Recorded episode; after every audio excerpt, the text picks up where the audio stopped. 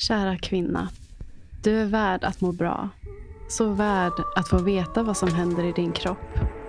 Så värd att veta dina alternativ och känna kontakt med ditt underliv, livmoder och menscykel.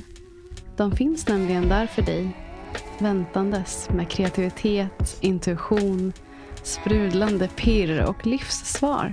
Redo att väckas upp när vi lyssnar och respekterar.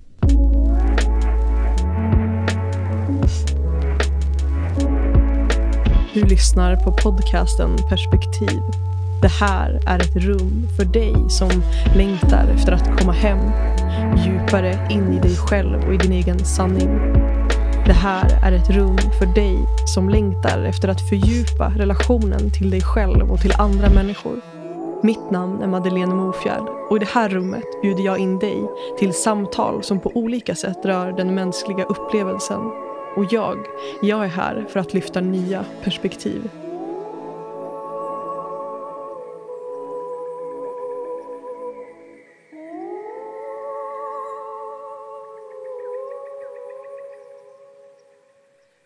Veckans avsnitt är ett favorit i reprisavsnitt där jag möter Frida Karlsson för ett samtal om menscykeln, kvinnans hormoncykel. Hur påverkar den oss?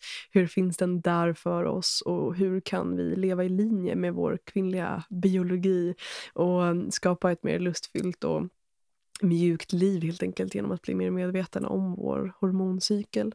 För mig har det varit så kraftfullt och viktigt att, att att komma i kontakt med min hormoncykel, att lära mig förstå den och förstå hur de olika faserna finns där för mig. Och hur jag kan använda dem också eh, som en kraft i min vardag och i mitt liv och i mina relationer. Jag är så tacksam för det här avsnittet med Frida. Vi hade det här samtalet väldigt, väldigt i början av min resa när det kommer till menscykeln och samtalet var en så viktig pusselbit för mig att förstå och lära känna min egen kropp som kvinna. Så jag är så tacksam att få dela det här samtalet igen med dig som lyssnar som kanske inte har hittat till det här avsnittet än. Och ehm, jag vill också säga det att eh, podden tar från och med i veckan lite grann jullov. Och eh, tills dess så hoppas jag att du ska hitta en massa spännande avsnitt i poddappen här av podden Perspektiv att lyssna på. Det finns så mycket olika perspektiv att dyka in i så jag hoppas att du under julledigheten hittar det som passar för just dig. Och eh, podden är tillbaka igen med så mycket spännande nya avsnitt och gäster och teman och ämnen eh, som jag längtar så mycket efter att få dela med dig i mitten på eller början på januari. Jag har inte sagt, satt något datum än så jag eh, delar inte med mig av det helt enkelt utan vi ses i början eller mitten på januari. Och um, är det så att du vill dela, dela någonting med mig från det här avsnittet eller det här samtalet så gör gärna det. Mitt namn är Madeleine Mofjärd och du hittar mig enklast på Instagram under namnet Mofjärd. Och du får jättegärna också tagga mig när du lyssnar eller lägga ut en bild därifrån platsen där du lyssnar och hjälpa mig att sprida det här samtalet eller de här samtalen. Min mission är verkligen att vara en del i att skapa ett mer välmående samhälle och jag tänker att de här samtalen behöver nå nå fler så känner du någon som du tror skulle må bra av att lyssna så skicka gärna vidare och dela. Tack för att du är här och ha en fantastisk jul.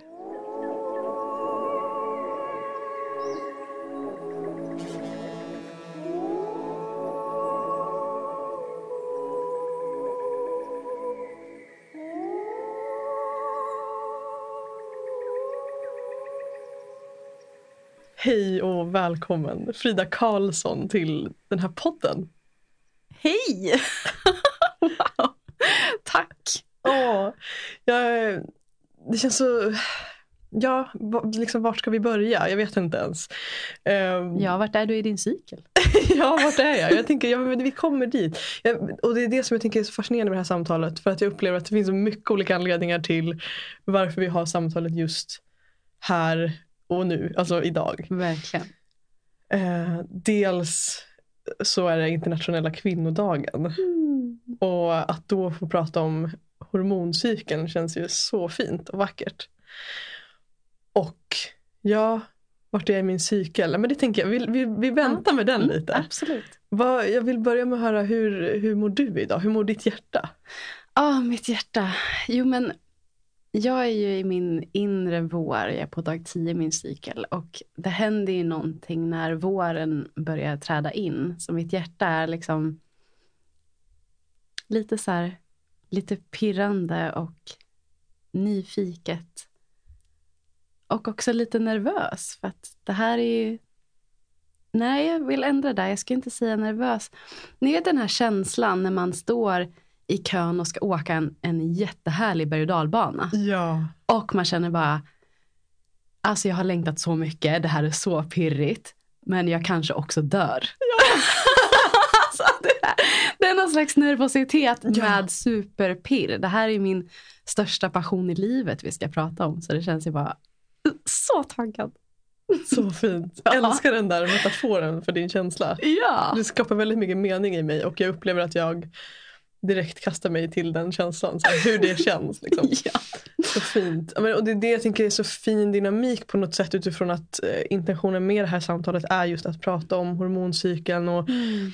hur vi kan lära oss att bli vän med vår cykel och att inse just det att cykeln är här för oss och inte emot oss som det kanske kan kännas för många. Precis. Och som du beskriver, du är inne i din inre vår och det pirrar och ja, allt det, det, som, det, det som du berättar. Mm. Och jag är i min inre höst och upplever att ja, det är liksom lite mer rörigt inom mig. Det är liksom eh, en helt annan känsla. Ja. Och eh, i morse när jag var på väg hit så åkte jag i bilen med, med Peter, med min partner. Och, och har egentligen känt sen jag vaknade liksom ett tryck över mitt bröst. Som att det finns känslor som behöver liksom, komma ut. Och så mm. sitter jag i bilen och han lägger handen på mitt ben och typ frågar mig hur det är. Och jag bara brister ut i gråt och bara Ja, så fint. och det var, menar, det var precis det jag behövde där och då tror jag också för att kunna möta dig i det här spacet. Och jag sitter med en väldigt fin känsla i det. Att det känns väldigt autentiskt att prata om cykeln just utifrån där jag är i min cykel och att du också sitter här i din inre vår och att vi kan prata utifrån det. Ja, det känns verkligen så himla härligt och när vi är i den här inre hösten så har vi närmare till alla de här känslorna som bubblar i oss. Så det känns så fint att få vara med dig i det samtalet. Ja. när våren bara mm, ja. bubblar. Liksom. Så fint. Ja, men, och det tänker jag att en delning som jag vill göra för att någonstans också, jag tror att det kan skapa mening för den som lyssnar, att något som jag insett och som jag sa till dig innan vi eh, började spela in, att jag känner verkligen en stark känsla i mig som har landat under de senaste månaderna bara, att jag upplever verkligen att psyken är här för mig och just under de här faserna som där jag befinner mig idag i min inre höst, att det är mycket känslor som jag kanske tidigare skulle ha benämnt som negativa eller jobbiga och utmanande. Mm. Och, och så inser jag också att det är i den här fasen som jag i alla fall, jag kan bara prata för mig själv, upplever att jag kommer i kontakt med mycket av liksom, mönster. Ja. Eh, jag, förstår min, liksom, jag förstår mig själv på ett helt annat sätt. vilket är utmanande i många fall och leder till någonting väldigt vackert.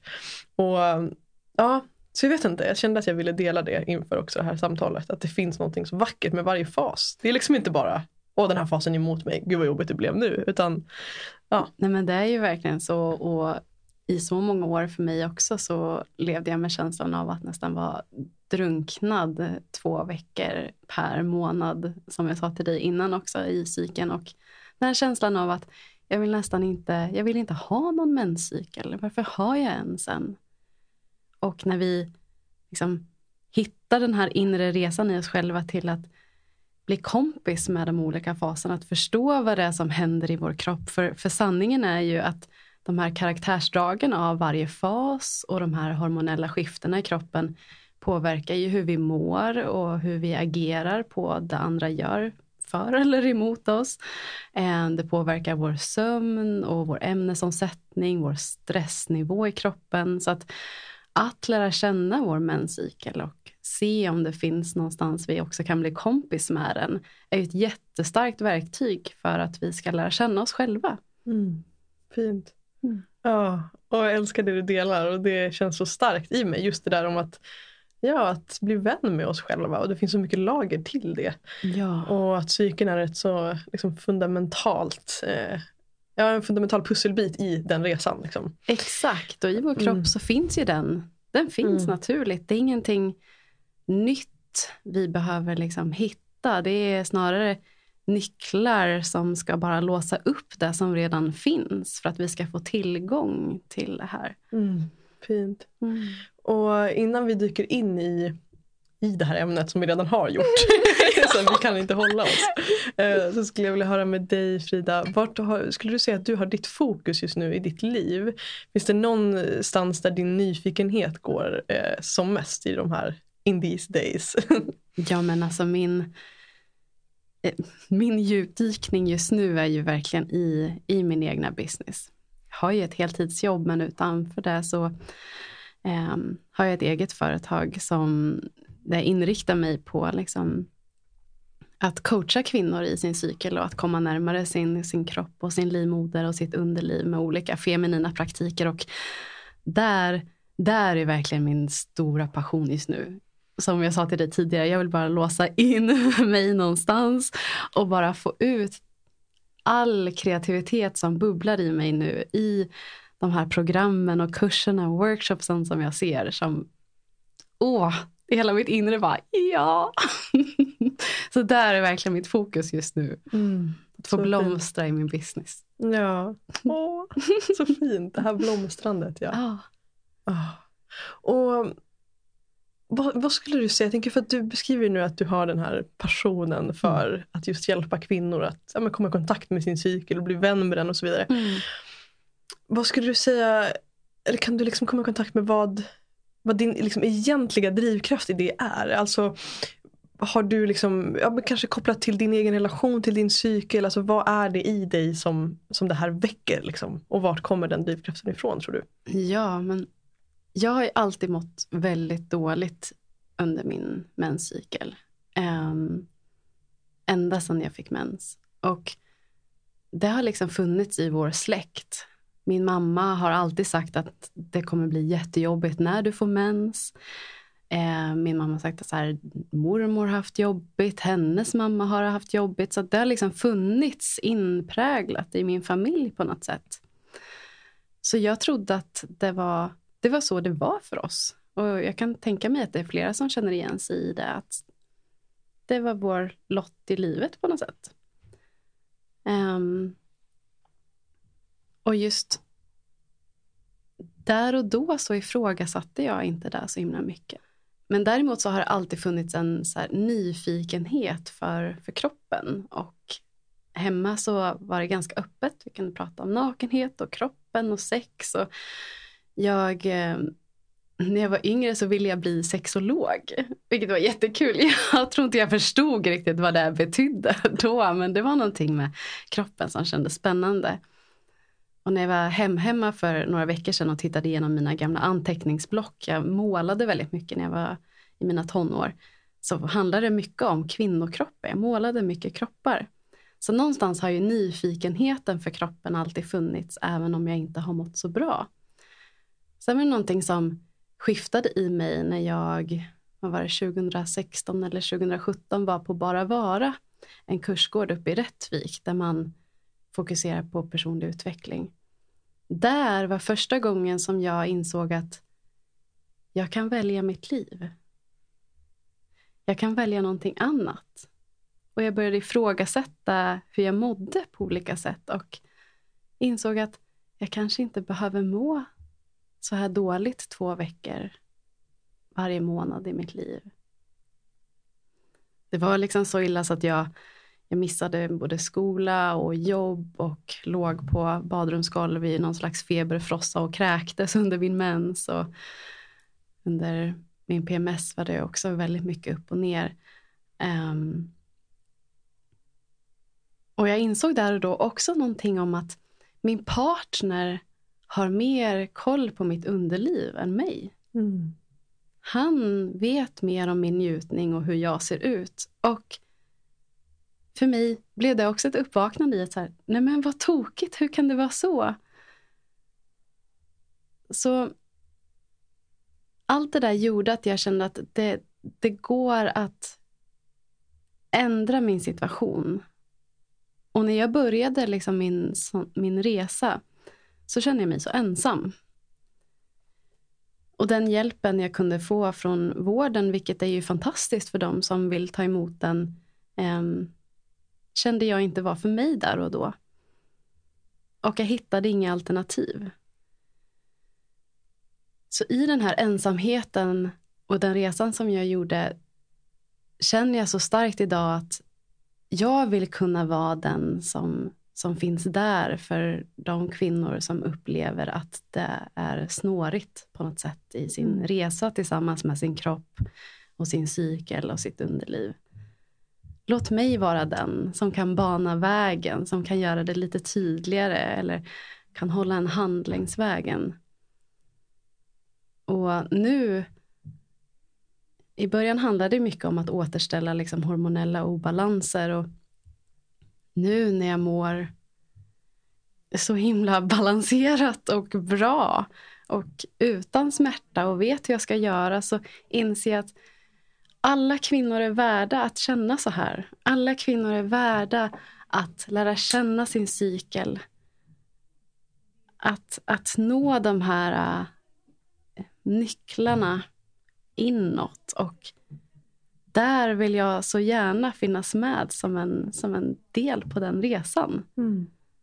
Jag tänker på det du säger om att det första jag egentligen hörde dig dela om att det också kom så mycket från en en invand sanning liksom, om att det är så här, ja, det här är min lott i livet. Så här kommer det vara nu. Jag är Frida och det här är min, liksom, ja. Och jag tänker att så så tror jag att många där ute kanske går runt och tänker kring olika saker i livet. Inte bara sin menscykel utan Exakt. även liksom, ja, vad det än må vara. Relationer, eh, vänskaper, ja, olika saker och mönster som vi tänker att vi måste bära vidare. Liksom. Och att det finns verkligen verktyg och vägar för att bryta det där och skapa mm. sitt eget liv oavsett vad det må handla om för just den individen. Liksom. Ja. Mm. Vad upplevde du som starkast, tänker det här när du eh, fick hjälp eh, av liksom, den traditionella vården eh, och tolkar att du liksom upplevde att det var något som saknades i dig, att det inte passade för dig. Mm. Vad upplevde du där och då som var så här, okay, det här skulle jag behöva istället? Alltså, Vad mm. var det som saknades där? Ja. Jag fick ju hormonella p-piller väldigt tidigt eftersom jag mådde så dåligt. det var ju redan när jag var 13 eller 14. Och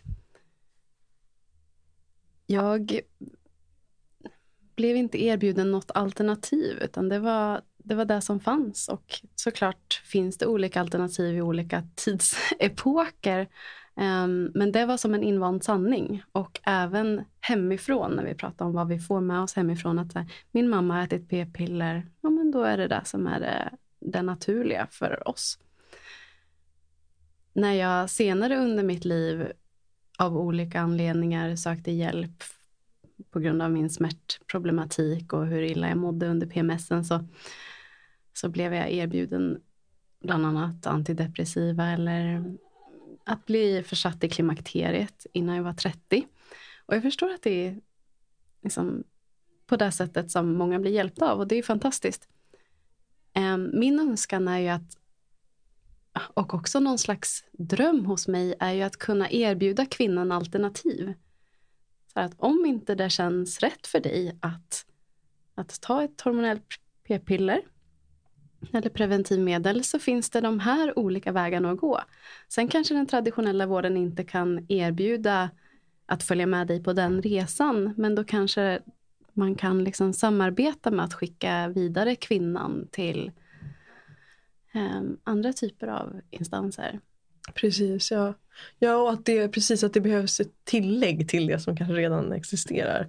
Och min upplevelse också, jag tänker av det du delar här om att så här, vårdens förslag var att försätta dig i tidig klimakterie. Att det, mm. det blir så skevt också och jag upplever att det blir också som ett sätt att skjuta ifrån sig problemet. Att det blir att det här kan inte vi hantera så vi sätter stopp på det här problemet genom att göra att totalt döda allt det som sker inom dig. Liksom. Um, och ja, jag tänker det, hur viktigt det är det arbete du gör just för att liksom, att hjälpa kvinnor med den här resan som verkligen behövs. Ja, och det var det som var så, det var ju en fantastisk sporre för mig när, när jag fick veta att du kommer aldrig må bättre. Jag kommer bara må, så här, Frida du kommer bara må värre och värre. Så du borde ta någon av de här alternativen eller så, det är det här vi kan erbjuda. Det, på mig blev, det för mig blev också en språngbräda till att nej, jag tror på att min kropp kan läka. Jag tror på att min kropp vill läka om jag ger den förutsättningar. Och när jag med hjälp av att lära mig hur min, mina, hur min cykel förändras under månaden och ju mer jag lärde mig om de här olika faserna, vad som karaktäriseras av de här faserna, vad som händer liksom fysiskt i min kropp, så förstod jag också att det var vissa väldigt enkla saker som jag behövde ändra i min vardag för att harmonisera min kropp. Och genom att göra det, det handlade väldigt mycket för mig om att ändra sättet hur jag la upp mina arbetsdagar, hur jag eh, umgås socialt med människor, när gör jag det, hur jag äter och tränar och tar mig tid för mig själv. Det är väldigt grundläggande saker vi pratar om här. Det är inte rocket science, men vi har bara inte fått lära oss vad som händer i kroppen och hur det påverkar oss. Eh, och genom att göra det så mår jag bra. Ja. Det är att, att kunna säga det är den största gåvan. Vi kan må bra. Jag har gjort den resan. Kan, sen kan vi såklart definitivt behöva vården av massa anledningar. Definitivt. Men kroppen vill också läka om vi ger den förutsättning. Mm. Och balanseras. Ja. ja. Det är så vackert det du delar, just det här liksom det hoppfulla budskapet om att det är möjligt att läka. Och att vi inte behöver vara beroende av att liksom stänga ner våra kroppar. Mm. Eh, som, som vården kanske oftast vill leda oss till. Och där blir jag också nyfiken på ditt perspektiv när det kommer till preventivmedel. För jag vet också att många kvinnor använder sig och blir liksom rådda eh, att använda sig av preventivmedel för att just stänga ner cykeln. Alltså för att inte behöva uppleva till exempel den inre hösten eller ja, de faserna som kan upplevas som utmanande. Eh, och det vet jag också när jag gick ut, och delade något inlägg på min Instagram. Eh, när jag för tror jag snart var ett år sedan när jag valde att ta ut min hormonspiral. Och eh, det var många kvinnor då som hörde av sig och just liksom delade den känslan av att jag skulle också vilja vara eh, liksom ren i min kropp och, och fri från hormoner. Och jag bär på en så stor rädsla för vad det ska innebära för mig. Och jag tänker att ja, synen på preventivmedel någonstans som the big savior. Liksom. Eh, hur ser du på det? Liksom? Hur stänger vi ner våra kroppar eh, med hjälp av det här. ja. Jo, men min, min introducering till psyken egentligen handlade till största del om hur jag på alla sätt jag kunde kan bedöva den. För att jag fick med mig att min upplevelse var att psyken är någonting dåligt, det är någonting jobbigt, det är någonting som inte egentligen bör finnas. Och då fick jag ju hormonella preventivmedel och åt otroligt mycket smärtstillande och det blev ju mer som någon slags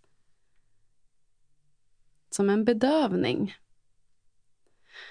Även om de hormonella preventivmedlen för mig inte funkade oavsett hur många sorter jag provade eftersom biverkningarna också var stora med viktuppgång och akne utöver att smärtan fortfarande fanns så hjälpte det just inte mig. Um, men det satte också en prägel för min relation till egentligen min he hela min kropp som, som kvinna. Och det var egentligen inte förrän när, när jag tog beslutet att sluta med mina p-piller. Det var ganska i början när, när Natural Cycles kom ut och det fortfarande fanns en, en stor skepsis kring om det funkar eller inte. Men för mig kändes det värt att prova. Och den resan att, att sluta med p-piller till att bli, ja, jag vill nästan kalla det bli min egna person, var väldigt stor för mig. I början så kändes det som att nästan sväva i ett tomrum. Och det kanske låter jätteflummigt men helt plötsligt så öppnades det någon dörr kring att oj, det blev så tydligt att jag inte hade lagt märke till min, min kvinnokropp. Vad som händer i mig.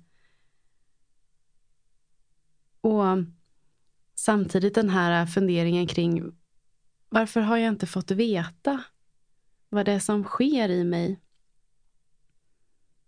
Och vad är det som sker i mig? och det vart som ett nytt utforskande in till mig själv. Från att ha bara levt på med någonting som inte riktigt funkade. Och som stängde av mig. När jag slutade med mina p-piller så, så blev... Ja, men det är lite som när man kommer ut i våren. Fåglarna kvittrar. Det, alla färger börjar bli starkare. Det liksom doftar. Alla liksom, facetter som finns i mig blev tydligare. Och det var absolut överväldigande ibland. Eftersom jag inte förstod riktigt vad, vad som hände och varför. Men i takt med att jag lärde mig så förstod jag att det här är ett fantastiskt verktyg. Min kropp pratar ju med mig hela tiden om vad den behöver och vill. Ja, så den superkraften finns i oss alla. Och den här bedövande känslan som jag vet många av oss har, har funnits i. Mm, mm. Den behöver inte finnas där. Är du kvinna och eh, längtar efter att fördjupa kontakten med dig själv, med din inre visdom, med allt det där som är du, allt det där som bor inom dig. Kanske längtar du efter att skapa ett mer självklart levande, lustfyllt liv och leva mer i linje med din sanna essens, kanske din feminina essens, ja vad vet jag. Den 25 februari så startar vi igång tre månadersprogrammet Hela kvinnans kraft som är ett transformativt program för dig som kvinna som längtar efter mer. Kanske känner du dig trött på den här känslan av att hela tiden behöva kämpa dig genom livet. Kanske längtar du efter att få uppleva någonting mjukare och mer lustfyllt. Så jag vill bjuda in dig till det här programmet. När du använder koden perspektiv när du bokar via mofjärd.com så får du 1000 kronor rabatt. Och oh, jag ser så mycket fram emot att få träffa dig på insidan. Det kommer bli en så magisk, en så magisk resa, ett så magiskt space av så kraftfulla kvinnor. Så välkommen, välkommen hela du. Hoppas att vi ses.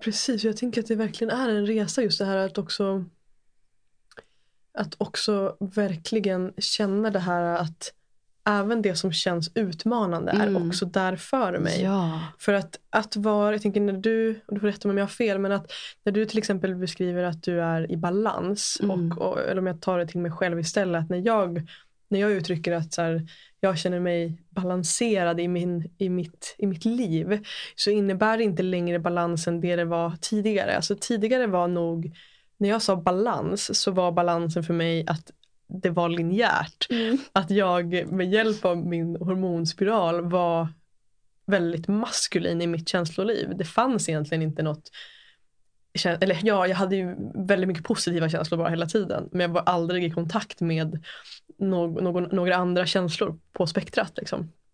Och att det upplever jag har varit en resa i mig. Att verkligen inse att det som är på andra delar av spektrat som kan komma i andra faser till exempel är också en del i att bli en levande människa, en levande kvinna. Liksom. Att det tar mig mycket närmre min, min min feminitet, min kvinnlighet. Jag känner mig mer levande.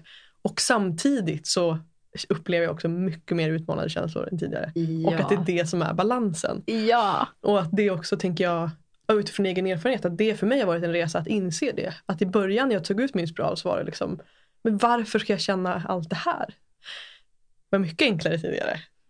Och sen nu efter att ha gjort den resan att inse att gud vad det här är mycket mer härligare. Att känna att jag lever på riktigt. Ja. Och som du beskriver också att vara min egen person. Jag är jag nu Mm. helt plötsligt. Ja. och att det är väldigt vackert. Och jag, jag, det är så vackert som det du beskriver. För jag, jag ser det som, från mitt perspektiv, att även om vi mår mer linjärt när vi har hormonella p-piller eller preventivmedel så upplever jag det som att de där känslouttrycken finns fortfarande där någonstans i vår kropp. Men vi har, som du sa, inte riktigt tillgång till dem. Och det är det som gör när vi nu lever under vår cykel att tillgången till vårt känsloliv blir starkare. Och det kommer ju med en ja, energiskjuts i alla olika delar. Som till exempel under hösten. När vi verkligen kan uppleva så många olika typer av känslor. Där, det var ju min hatfas förut. Verkligen. Och nu tycker att det är så skönt att känna den här vildkvinnan. Att få ta del av den här vildkvinnan som vill liksom ut i skogen och springa naken med andra kvinnor i någon I så här, jorden. i jorden. Ja, det blir någon så här urkraft som kan komma till oss under den här fasen.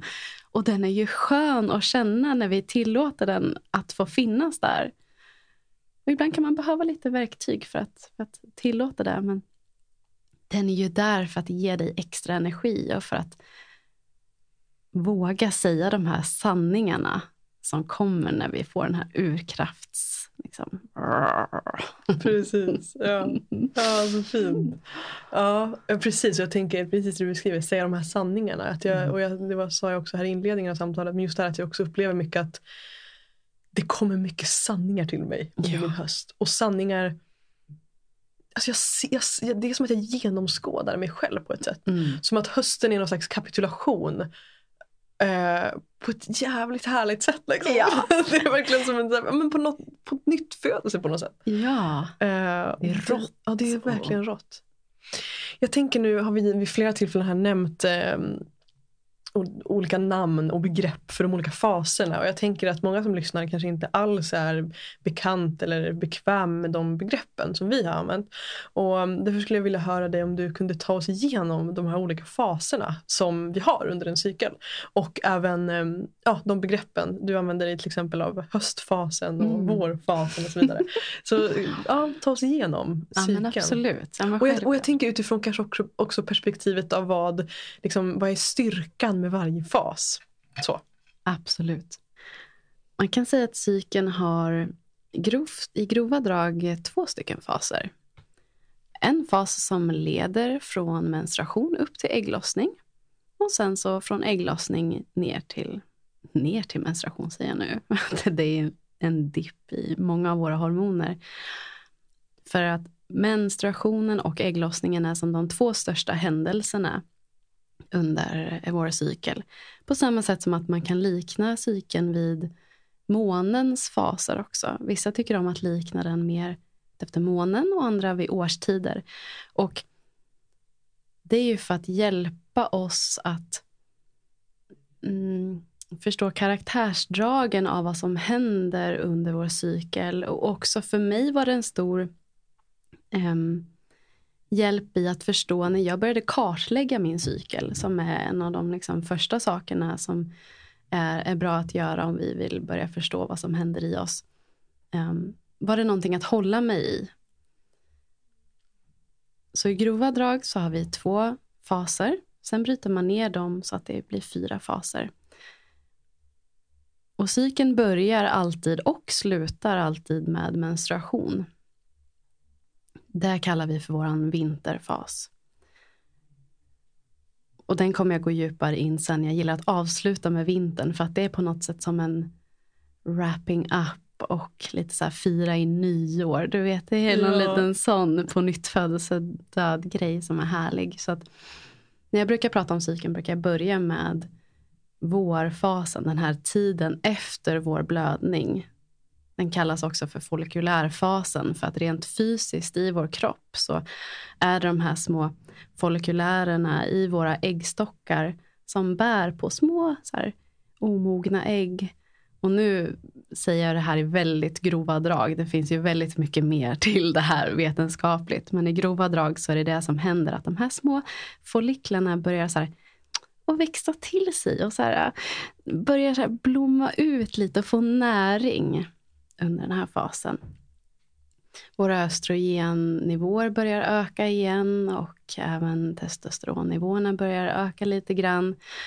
Och det här gör ju att vi det känns lite som att komma ut i våren. Som jag sa tidigare, att det kanske blir lite mer färgstarkt och energin börjar komma tillbaka för att vi har den här hormonökningen. Och det här är ju också intressant, för nu säger jag att energin börjar komma tillbaka.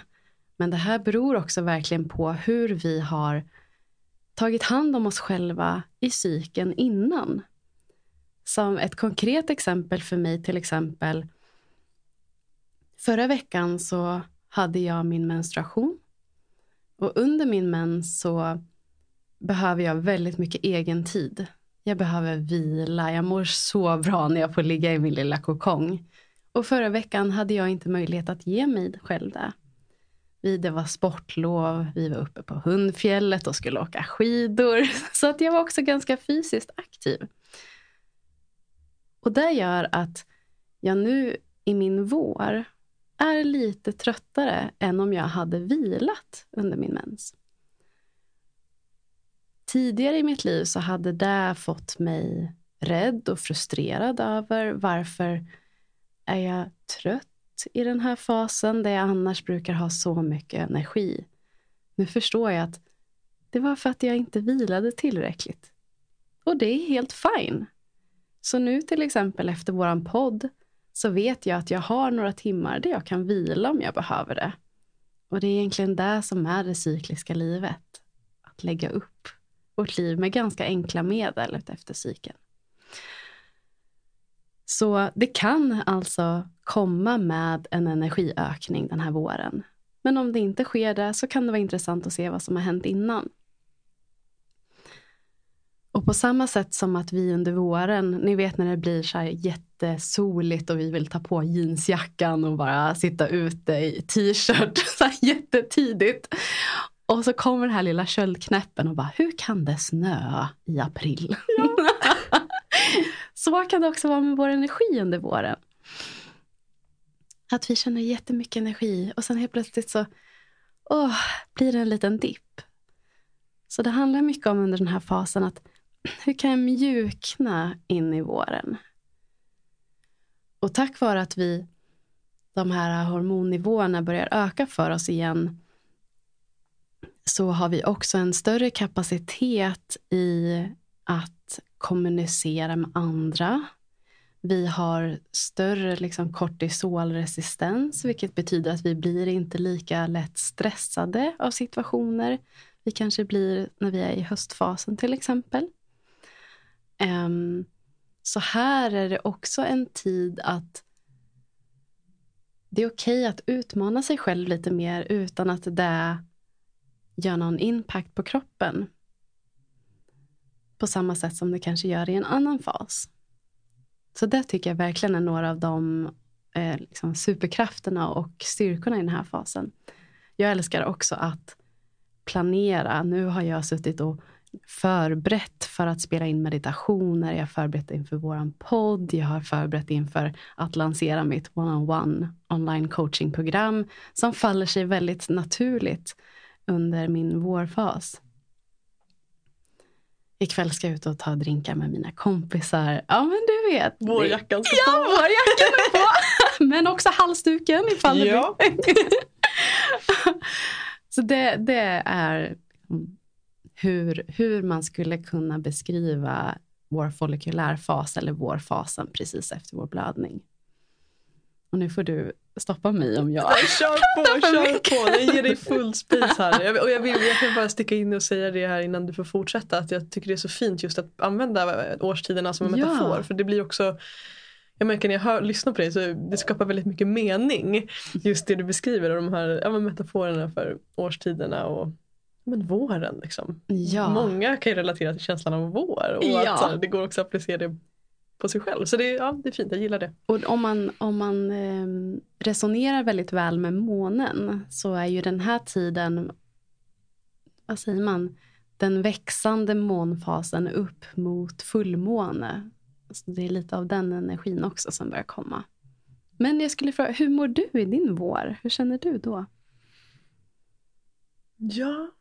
Nej, men jag, Är det svårt att relatera till den nu när du är i Ja, jag hösten? bara, Jag bara, finns det en vår? ja, exakt.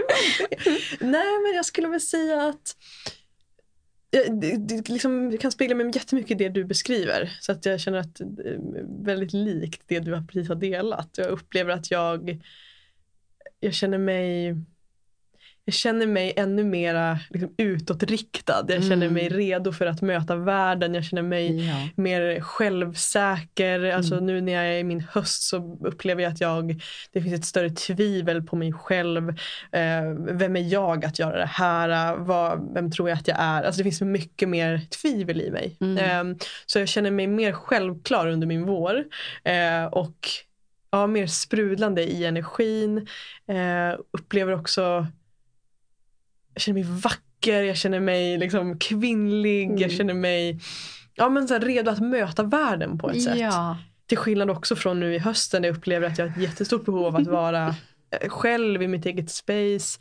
Eh, som du beskriver, liksom vara i skogen. Alltså det är andra saker som ligger i fokus. Eh, så. så det är väl kort skulle jag vilja säga hur jag, hur jag upplever våren för mig. Ja, och är man, när man börjar bli intunad på det här så kan man nästan se på kvinnor vart de är i cykeln. Ja. För att det blir, för mig upplever jag en väldigt tydlig annan lyster när jag Ja. är i min vår och min sommar. Att det är nästan naturligt, naturligt sprudlande. Ja. Det är också spännande. Jag tänker jag lyssnade på en, ett poddsamtal, jag undrar om det inte var i Aubrey, Aubrey Marcus podcast. ehm, där han pratar med, jag kommer inte ihåg vem det var så jag ska, behöver inte nämna några namn. Eh, men just om det här också vad som händer i en, i, till exempel i en heterosexuell relation mellan en man och en kvinna. Eh, och där, där där kvinnan till exempel under ägglossning liksom utsöndrar hormoner som Mm. ska göra mannen liksom förhäxad i henne. Och det är också någonting som jag vet jag har pratat med Peter mycket om att vi, vi båda lägger märke till det här så mycket. Att när Ja. jag har ägglossning så är det som att Peter är eh, det, det, eller Peter, jag behöver inte prata om honom i det här samtalet. Men liksom att någonstans så finns det en, det finns en ännu starkare attraktion mellan oss båda. Ja. Att jag känner ett, ett, en starkare, vi känner nog ännu starkare lust inför varandra. Ehm, och att vi dras med en magnetism till varandra. Och ehm, jag tror också att han till och med har sagt det, det var nog det jag ville komma till när jag drog in honom i den här berättelsen utan att han har någonting att säga till om. Ehm, att han också upplevt det att så här, att han, han, han rent alltså utseendemässigt så blir han också, han upplever att jag är vackrare. Wow vad du är vacker. Och jag tänker att så här, men jag ser precis likadan ut. För det är någonting som händer. Ja, men det är det som är så häftigt. När vi får uppleva den här naturliga cykeln i oss själva. Då är det ju ibland som att vi, våran biologi, liksom, det vi var skapta för att göra när vi nästan var djur, blir Exakt. väldigt tydligare. Som den här urgen att bef- befrukta. Ja. Eh, Den blir så här, åh. Exakt, ja. och vildkvinnan i hösten till Ja. exempel. Att den blir väldigt tydlig. ja, ja. Men då kanske det passar bra att vi går in till i sommarfasen. Ja, vad händer då egentligen? Ja, vad händer i Tar sommarfasen? vi fram eh, utemöblerna? Då tar vi fram utemöblerna, solskyddsfaktor på. ja. Nej, men då har ju de här folliklarna i våra äggstockar, de har ju gottat till sig här och fått massor med god näring och så. Sen när det väljer kroppen ut en av de här som bara, oh, den här är lite extra stark och mm, det ägget väljer, eller den follikeln väljer vi ut och det är den här sen som kommer som färdas in i vår äggledare och sen så ut närmare eh, vår livmoder. Så det är det som sker fysiskt tillsammans med att vi får den här östrogen och testosteronpiken. Här sker vår liksom största hormonpeak. här sker väldigt mycket. Och här där kan vi då likna med sommarfasen. Det sker oftast väldigt mycket på sommaren. Vi känner oss kanske så redo för livet. Det är semestrar, vi planerar grejer, vi träffar folk, det är grillkväll, det är långa kvällar, det är varma sommar, liksom äventyr. Och det sker ganska effortless och naturligt. Och i det här vill jag också säga att för vissa, vissa upplever att den här energiökningen som sker är alldeles för överväldigande. Vissa upplever att det här är den bästa tiden under månaden. Det här är min high life. Och för andra blir det här för mycket.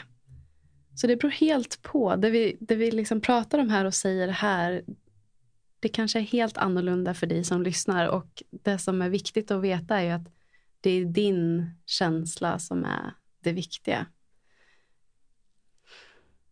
Och om man inte upplever en stor energiökning här så kan man igen titta. Vad hände under min vår egentligen? Var det så att när jag kände den här uh, lilla härliga pusten komma så gjorde jag allt. Jag packade in liksom alla jobbmöten, alla sociala aktiviteter, allt på den här fem, sex dagarna. Ja, då är det jättenaturligt att den energin inte finns i sommarfasen. Så det är intressant att vara lite uppmärksam på vad man gjorde, vad man gör i under månaden. Eh, för mig under min sommar så pysslar jag med väldigt mycket saker. Min, mitt fokus, tänkte jag säga, är inte alls. jag bara, åh det här är kul, och det här är kul, och jag vill göra det här och det här. Och det som var så fint var att eh, min senaste cykel eh, Ehm, kurs som jag gick, där pratade vi just om den här äh, känslan av att vara lite splittrad under sin sommarfas för att energin, fokuset går till så många olika saker. Och min lärare sa då, ja, fast om det är det som känns mest flödande, kan det få vara okej? Okay? Och jag bara, ja det kan ju faktiskt få vara okej. Okay.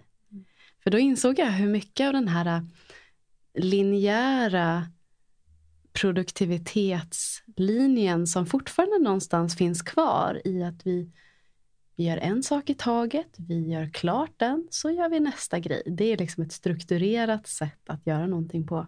Och så ska det vara. Så ska det vara, tyckte min hjärna. ja. Men det som var mest produktivt för mig just då var att tillåta mig själv att då spelar jag in en meditation. Jag träffar en kompis, jag börjar skriva på det här mejlet. Jag kanske gör fem saker, typ samtidigt. och det funkar hur bra som helst. Och i slutet av dagen så har jag gjort ofantligt mycket. Så i det här att leva ett cykliskt liv för mig handlar så mycket om att bara följa flödet kan det få vara okej okay att bara gå dit det känns mest naturligt just nu. Mm. Fint. Ja. Och vad händer därefter då? Ja, nu känner jag att jag ville lägga till den här juicinessen också ja. under sommaren. Ja. Det finns ju så mycket i varje fas. Det skulle också kunna vara uppföljnings avsnitt. Ja, ja jag är på. Här, gå djupt i varje fas. Ja. Um, jo, jag kan uppleva oftast under min ägglossningstid att mitt underliv är så vaket.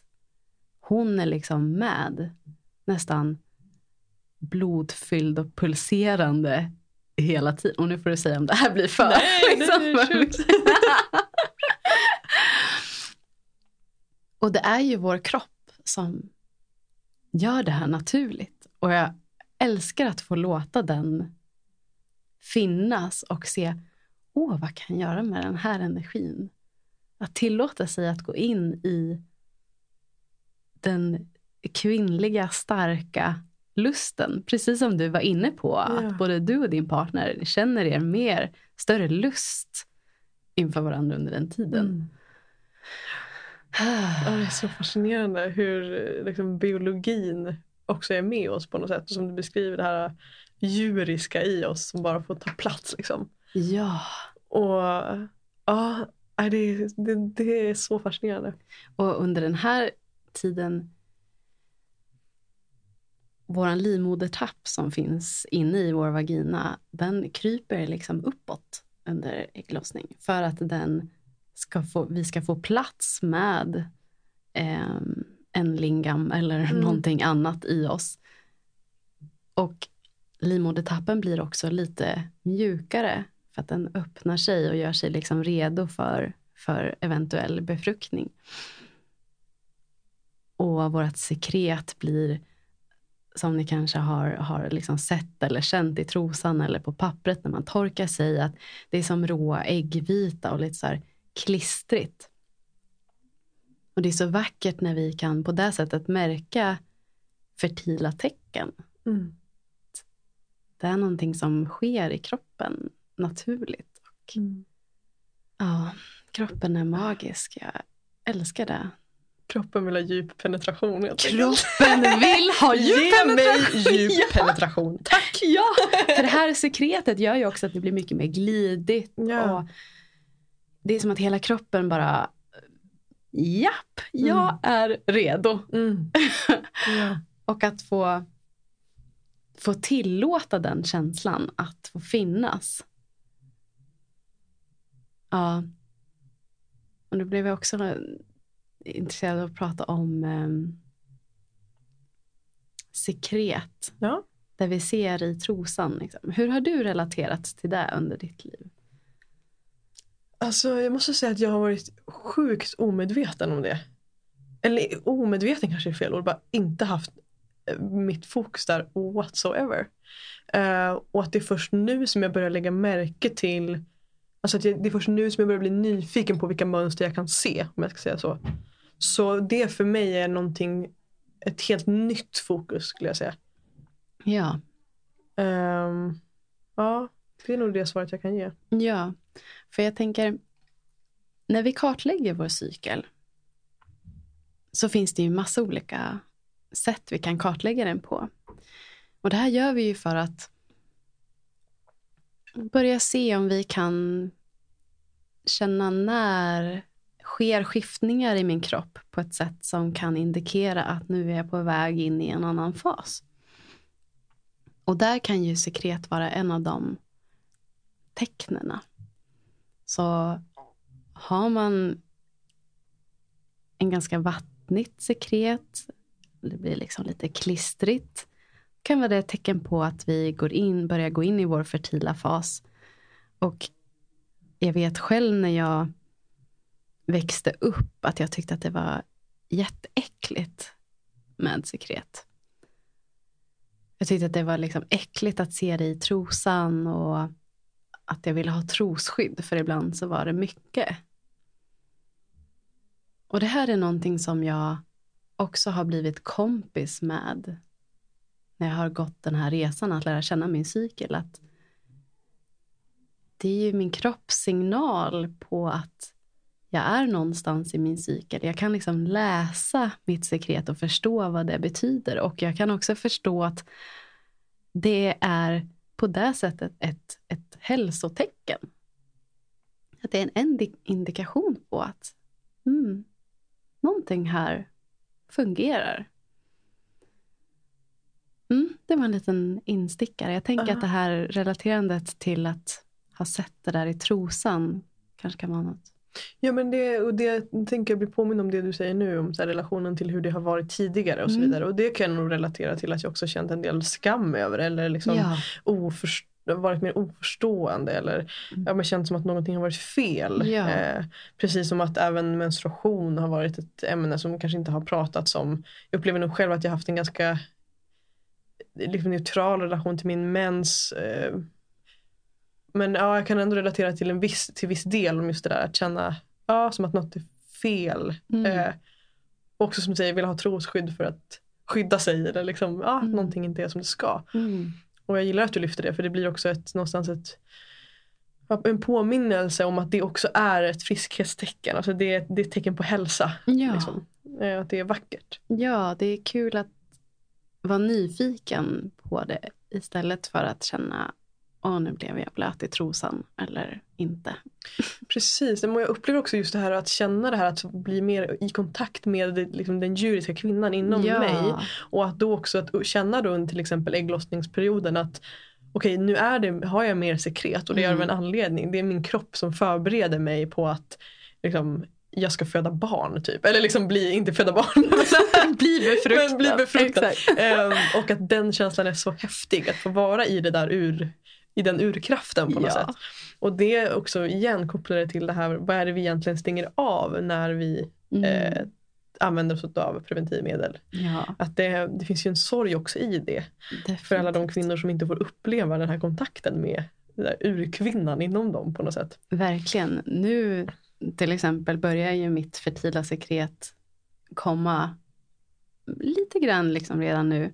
Och jag kan ju känna att jag blir, jag blir upphetsad av att se Ja. det. Jag vet att så här, snart blir det dags. Och det är nästan jag kan så här, skriva till min partner bara, mm, snart är det hopp och lek. ja exakt.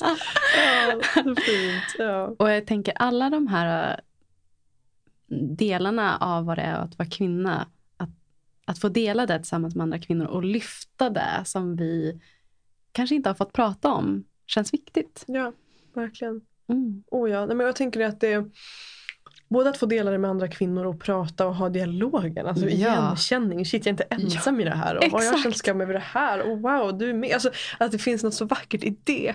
Och att det är en del av det. Och sen den andra delen som jag också vill att vi kanske kommer in på sen. Just där också om man till exempel är i en, i en, relation, i en eh, heterosexuell relation med en man som kvinna.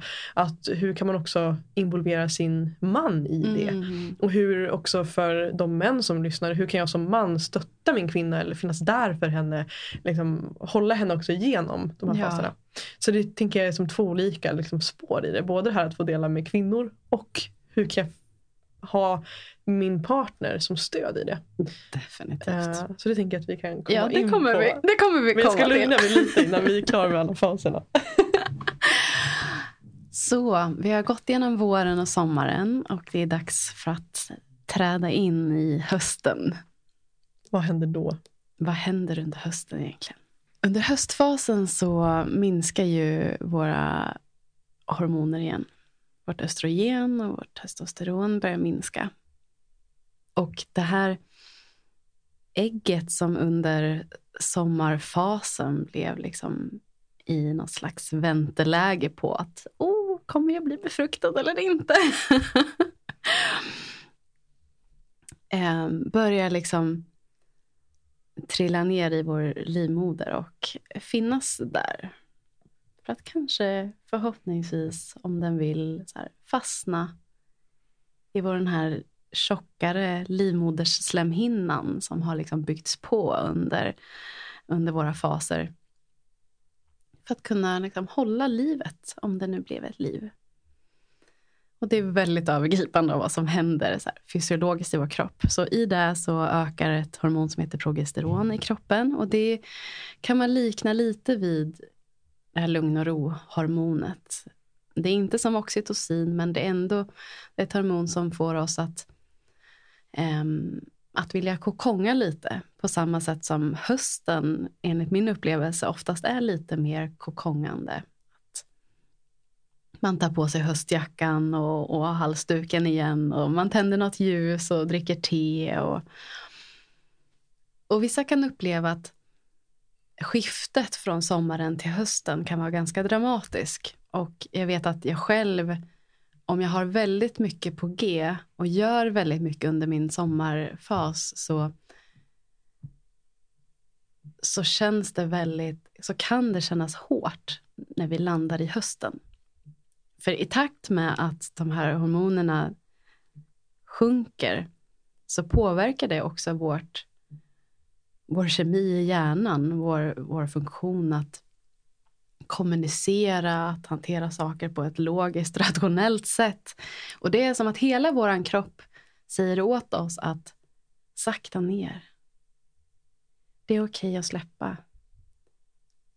Du behöver inte använda hjärnan. För mig är det så tydligt att det sker ett skifte från att ha använt mycket liksom, hjärna, att ha kommunicerat mycket, att ha löst massa problem och flängt runt till att landa tillbaka väldigt mycket i kroppen. Släppa tankar. Och bara vara i kroppen med det som känns. Många av oss, och inklusive jag själv, kan också uppleva att de här äh, olika typerna av energierna som blir väldigt tydliga här, som frustration som kanske ganska snabbt väcks, till skillnad från under sommaren när allt kanske känns härligt blir väldigt överväldigande. Och här för mig har det skett ett stort skifte när jag insåg att jag kan tillåta den här energin att finnas i mig. Men jag behöver inte koppla det till någon tanke. Att fortsätta i höstfasen att försöka släppa huvudet har hjälpt mig jättemycket i att bli kompis med min höstfas. För här handlar det så mycket om ren energi. Känner jag frustration, då är min, det är min bästa aktivitet under hösten att brottas med min partner. Mm. Alltså, fysiskt brottas. Ja, liksom. fysiskt brottas. Vi har ju liksom brottningssessioner och det kan man ju göra på vilket sätt man vill. Jag gillar att göra det att vi, vi tänder ljus och så kanske vi har lite musik som också gör en lite taggad på att brottas. Vi är ofta nakna, det blir lite mer djuriskt. Och så får jag trycka mot honom och brottas och han hjälper mig att tillåta mig att här, få skrika eller använda min röst, att säga det som finns i mig utan att det behöver vara kopplat till ett koncept eller en tanke om någonting. Att koppla på det djuriska helt enkelt. Får jag bara säga vilken, vilken fantastisk aktivitet. Ja. Och jag tänker också att det, alltså som man, att jag kan tänka mig att det också kräver en enorm trygghet i sin egen liksom, maskulinitet. Att kunna hålla sin kvinna också i det. Mm. Jag bara fick upp en sån liksom, bild. Eh, att Jag kan tänka mig att det kräver en, en enorm trygghet.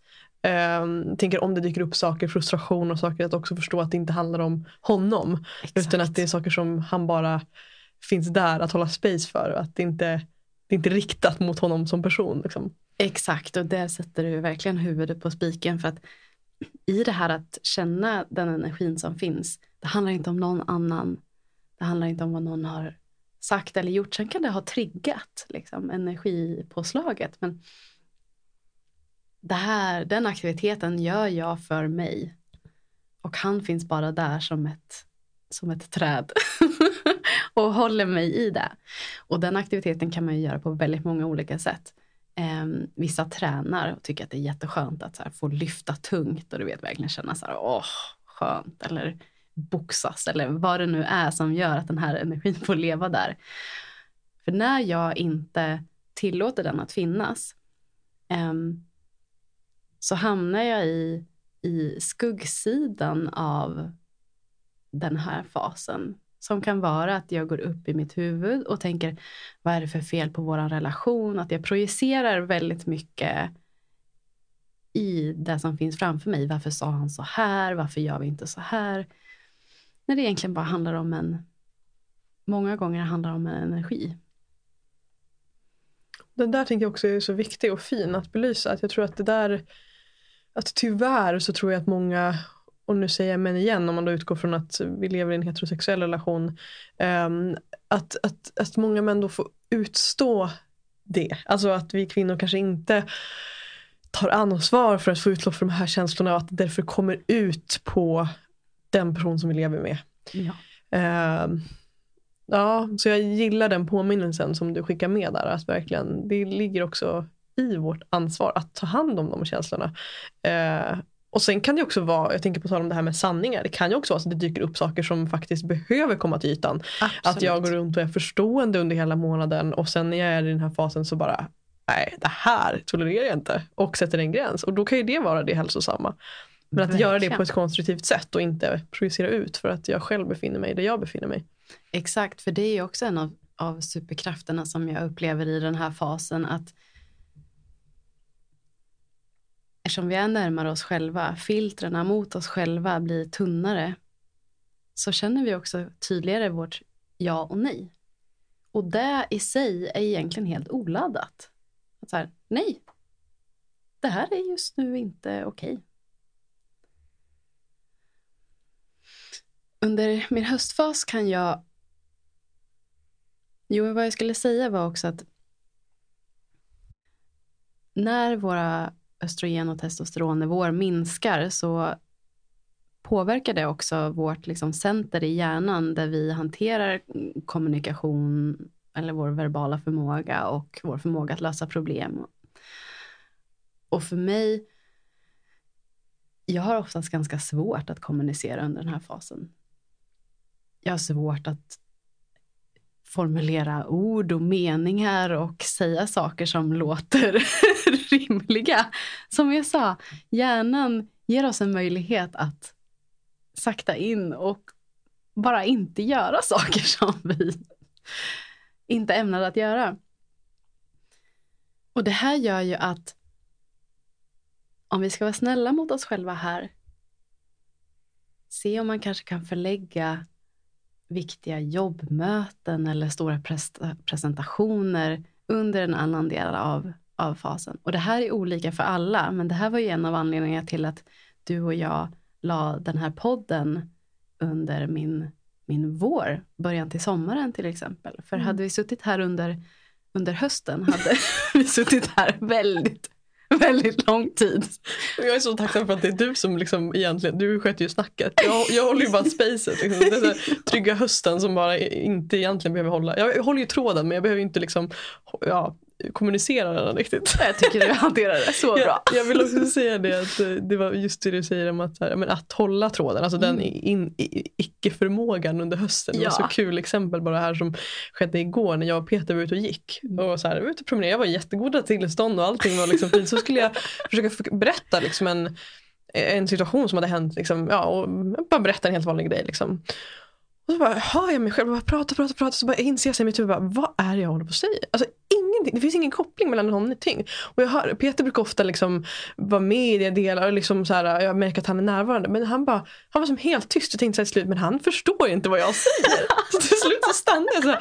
Men så här, uppfattar du vad jag pratar om? Mm. Han bara, nej jag har jättesvårt att hänga med. Jag, bara, jag vet inte riktigt vad det är du försöker liksom, säga. Och det var ingenting, det var bara liksom en helt vanlig oladdad delning. Men, ja. men jag klarade inte av att hålla tråden. Liksom.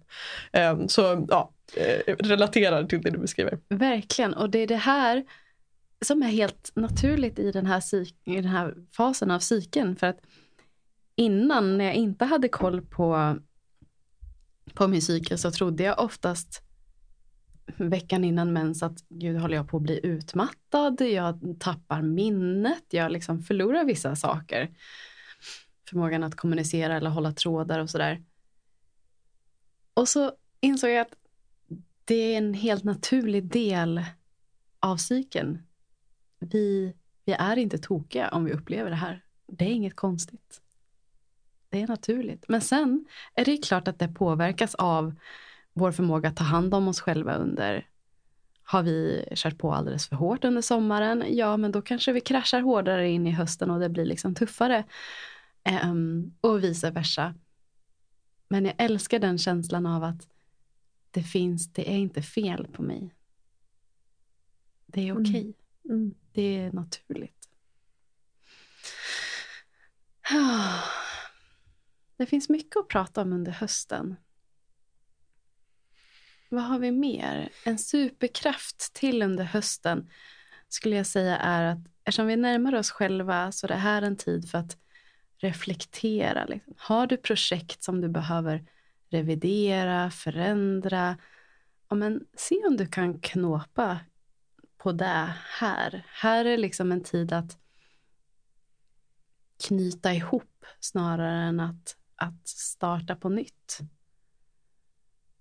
Här är en tid för lättare saker som inte kräver så mycket hjärnkapacitet. Så jag planerar eh, oftast mitt arbete utefter vart jag är i cykeln i den månen jag kan. Sen vet jag nu senast i min höst så jag höll på att lansera mitt one-on-one online coachingprogram och bara så här, åh jag är så taggad, jag vill, jag vill. Liksom, låt mig hinna bli klar innan jag går in i min blödning. Och så satt jag och verkligen försökte producera någonting. Och min partner då, det här ska vi prata mer om, men min partner då kom upp till mig och säger så här, men Frida, du är ju i din höst. Det här rimmar ju inte med vad du ska göra nu. Du behöver inte sitta och försöka trycka dig igenom det här. Nej. Vad vill du göra egentligen? Jag bara, jag vill gå och vila. Mm. så då gick jag och vilade. Det är så lätt att, att tappa tråden även fast vi är i det här mm. flowet. Mm. Ja, och att hjärnan kanske vill något annat än ja. vad kroppen egentligen vill. Mm. Tänker jag. Ja, nej, men det där är väldigt fint. Jag tänker igen, vi ska komma in på det, just det här med hur, vi kan, hur, hur man som partner kan förhålla sig till det. Och Det är väldigt fint där, det din, din man där gjorde. Att mm. verkligen påminna dig att ibland kan vi behöva den hjälpen. Bara en liten påminnelse. Liksom. Exakt. Um, men um, ja, för att avrunda just de här olika faserna då, om vi ska gå in i vinter. Vi, den har vi ja, inte gått igenom va? Nej, precis. Vintern är ju både avslutningen och, och början på, på vår cykel. Och om man ska likna det vid månens faser så vad är ju sommarfasen som vi pratade om tidigare, den är ju lite liknande fullmånen med otroligt mycket energi som kommer och pirr och massor med gottiga saker. Sen när vi går igenom hösten mot vintern så går vi neråt igen mot full, eller nymåne. Vilket också karaktäriseras av den här inåtgående, sakta ner energin. Och under vår blödning, om man ska se till det fysiskt, så är det ju här vi eh, har som lägst hormonnivåer. Både östrogenet, testosteronet och progesteronet som kanske är våra största hormonskiften här är väldigt låga. Och eftersom även progesteronet kan gå ner så här så kan det vara lätt att vi har svårt att sova under den här tiden.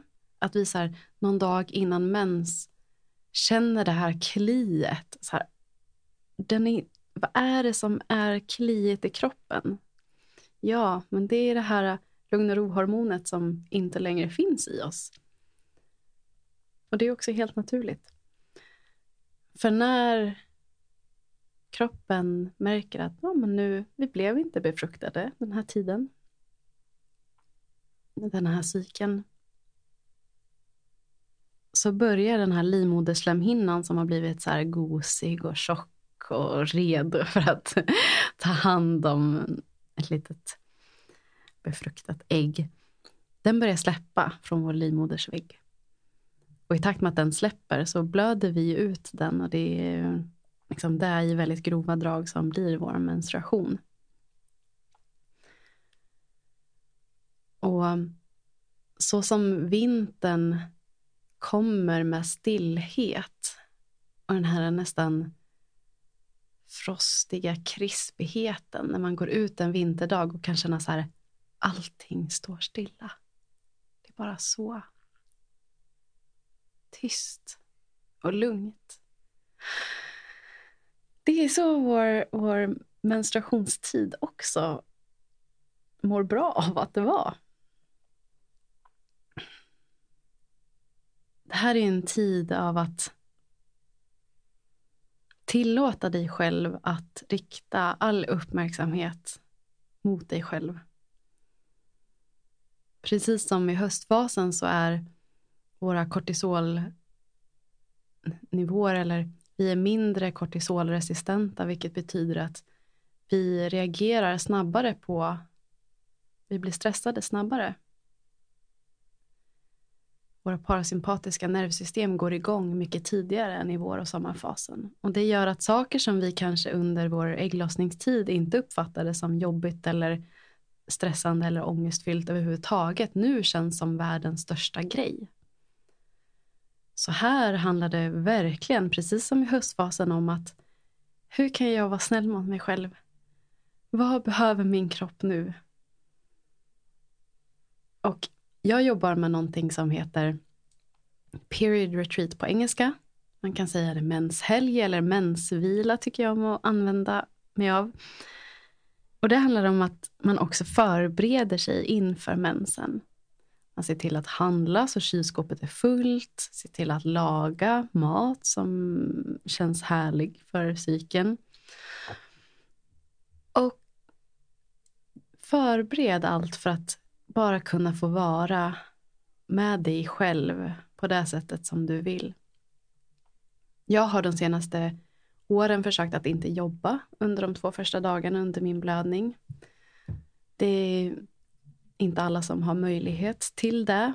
Ehm, jag har verkligen all förståelse för det och jag har pratat med mina chefer som jag har haft om att det här är viktigt för mig. Så därför vill jag ta ledigt eller jobba ikapp det någon annan tid. Och jag har haft en manlig chef och en kvinnlig chef och båda har liksom reagerat Alltså ingenting. Det har varit så här, absolut, ja men det är mm. klart. Mm. Så jag har blivit bemött väldigt fint i det. Men jag tänker att det kan vara ett tufft samtal att ta. Mm. Så fint också tänker jag det här att det kan vara ett tufft samtal och att ofta kanske vi har som inför många samtal en förutfattad mening om att det kommer vara tufft och så ja. kanske det inte alls var det eller behövde vara det. Det låter väldigt fint det du beskriver att det bemöttes väl. Mm. Ja, det var ett stort steg för mig i att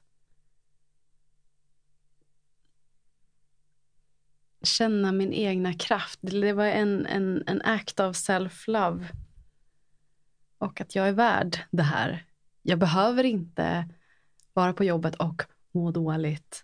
Eller försöka producera någonting som jag inte mår bra av. Jag kan få vara hemma. Um, kan jag inte det, har jag inte möjlighet att, att vara ledig på ett eller annat sätt, Ehm, så försöka sänka min, min ambitionsnivå så mycket. Göra minsta möjliga. Och det är helt okej. Okay. och verkligen se till att innan ha planerat för att här har jag inga sociala aktiviteter eller verkligen minsta möjliga. Jag eh, tar inte jobbmöten där jag behöver förbereda stora saker eller prata mycket under den här tiden. Och det går oftast jättebra att bara säga, kan vi ta det här mötet om fyra dagar? Så där vill jag verkligen också skicka med att se hur, hur kan jag vara lite flexibel i, i mitt liv för att ge mig själv det jag behöver under den här tiden. För när jag tillåter mig att vara i min egna bubbla så har jag, jag har ingen smärta. Och tiden för blödningen är en, en, en superkraft i den här fasen är verkligen att det kommer så mycket idéer och drömmar och visioneranden som vill, alltså små, små frön som bara, åh det här, åh det här, åh det här. Och det är frön som jag sen under kommande faser kan liksom så. Och det här är inte en tid för att börja sätta igång med, med mycket saker, utan det här är bara en tid för att notera det som eventuellt bubblar upp under, under blödningen. Och sen håller vi lite på det och ser om det fortfarande känns aktuellt när energinivåerna börjar öka igen. Här under blödningen kommer, när vi pratar om att sanningar kan komma fram, här bubblar också oftast sanningar upp. Och är det någonting som upprepande kommer under varje blödning, mm, då kanske det finns någonting där att ta tag i. Mm. Fint. Jag bär verkligen med mig den här idén om att hösten och vintern är, är liksom faser av sanning. Ja. det känns så levande på något sätt. Och att det finns en sån enorm kraft i det. Att Ja. det kommer verkligen med en sanning. Och som du säger, att där har vi också möjligheten att se vad vi kanske behöver ta tag i. Alltså om det är någonting som återkommer, att hur kan jag justera det? Eller vad behöver jag? Liksom, ja, finns det något jag behöver anpassa i mitt liv? Ja, och det som är så fint i det är att det är helt okej att känna allt. Men under den tiden är det inte då man kanske ska genomföra allt. Men det är så viktigt att få känna det. Notera det, skriva upp det, planera för att prata med vem du behöver prata med. Och sen får du se. Men det är så skönt att bara tillåta sig själv att få, få känna det där. Ja, det finns så otroligt mycket att prata om under vintern och den här blödningsfasen har ju också gått från att bli en av mina tuffaste faser till att verkligen vara någonting som jag faktiskt ser fram emot varje månad för att det blir som en på nytt start. För det är det här som är den första fasen också.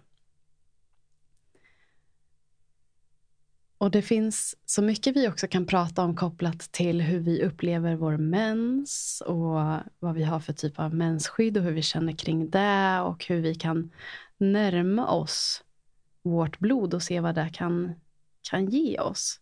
Men jag tänker att det kanske är det kanske är ett annat avsnitt där vi Mm. går lite djupare i det. Det vore väldigt fint. Exakt. Och jag är lite nyfiken på, så här, nu när du börjar närma dig din inre vinter, din Mm. blödning. Finns det någonting som du tänker på extra mycket inför att det här skedet kommer komma? Mm.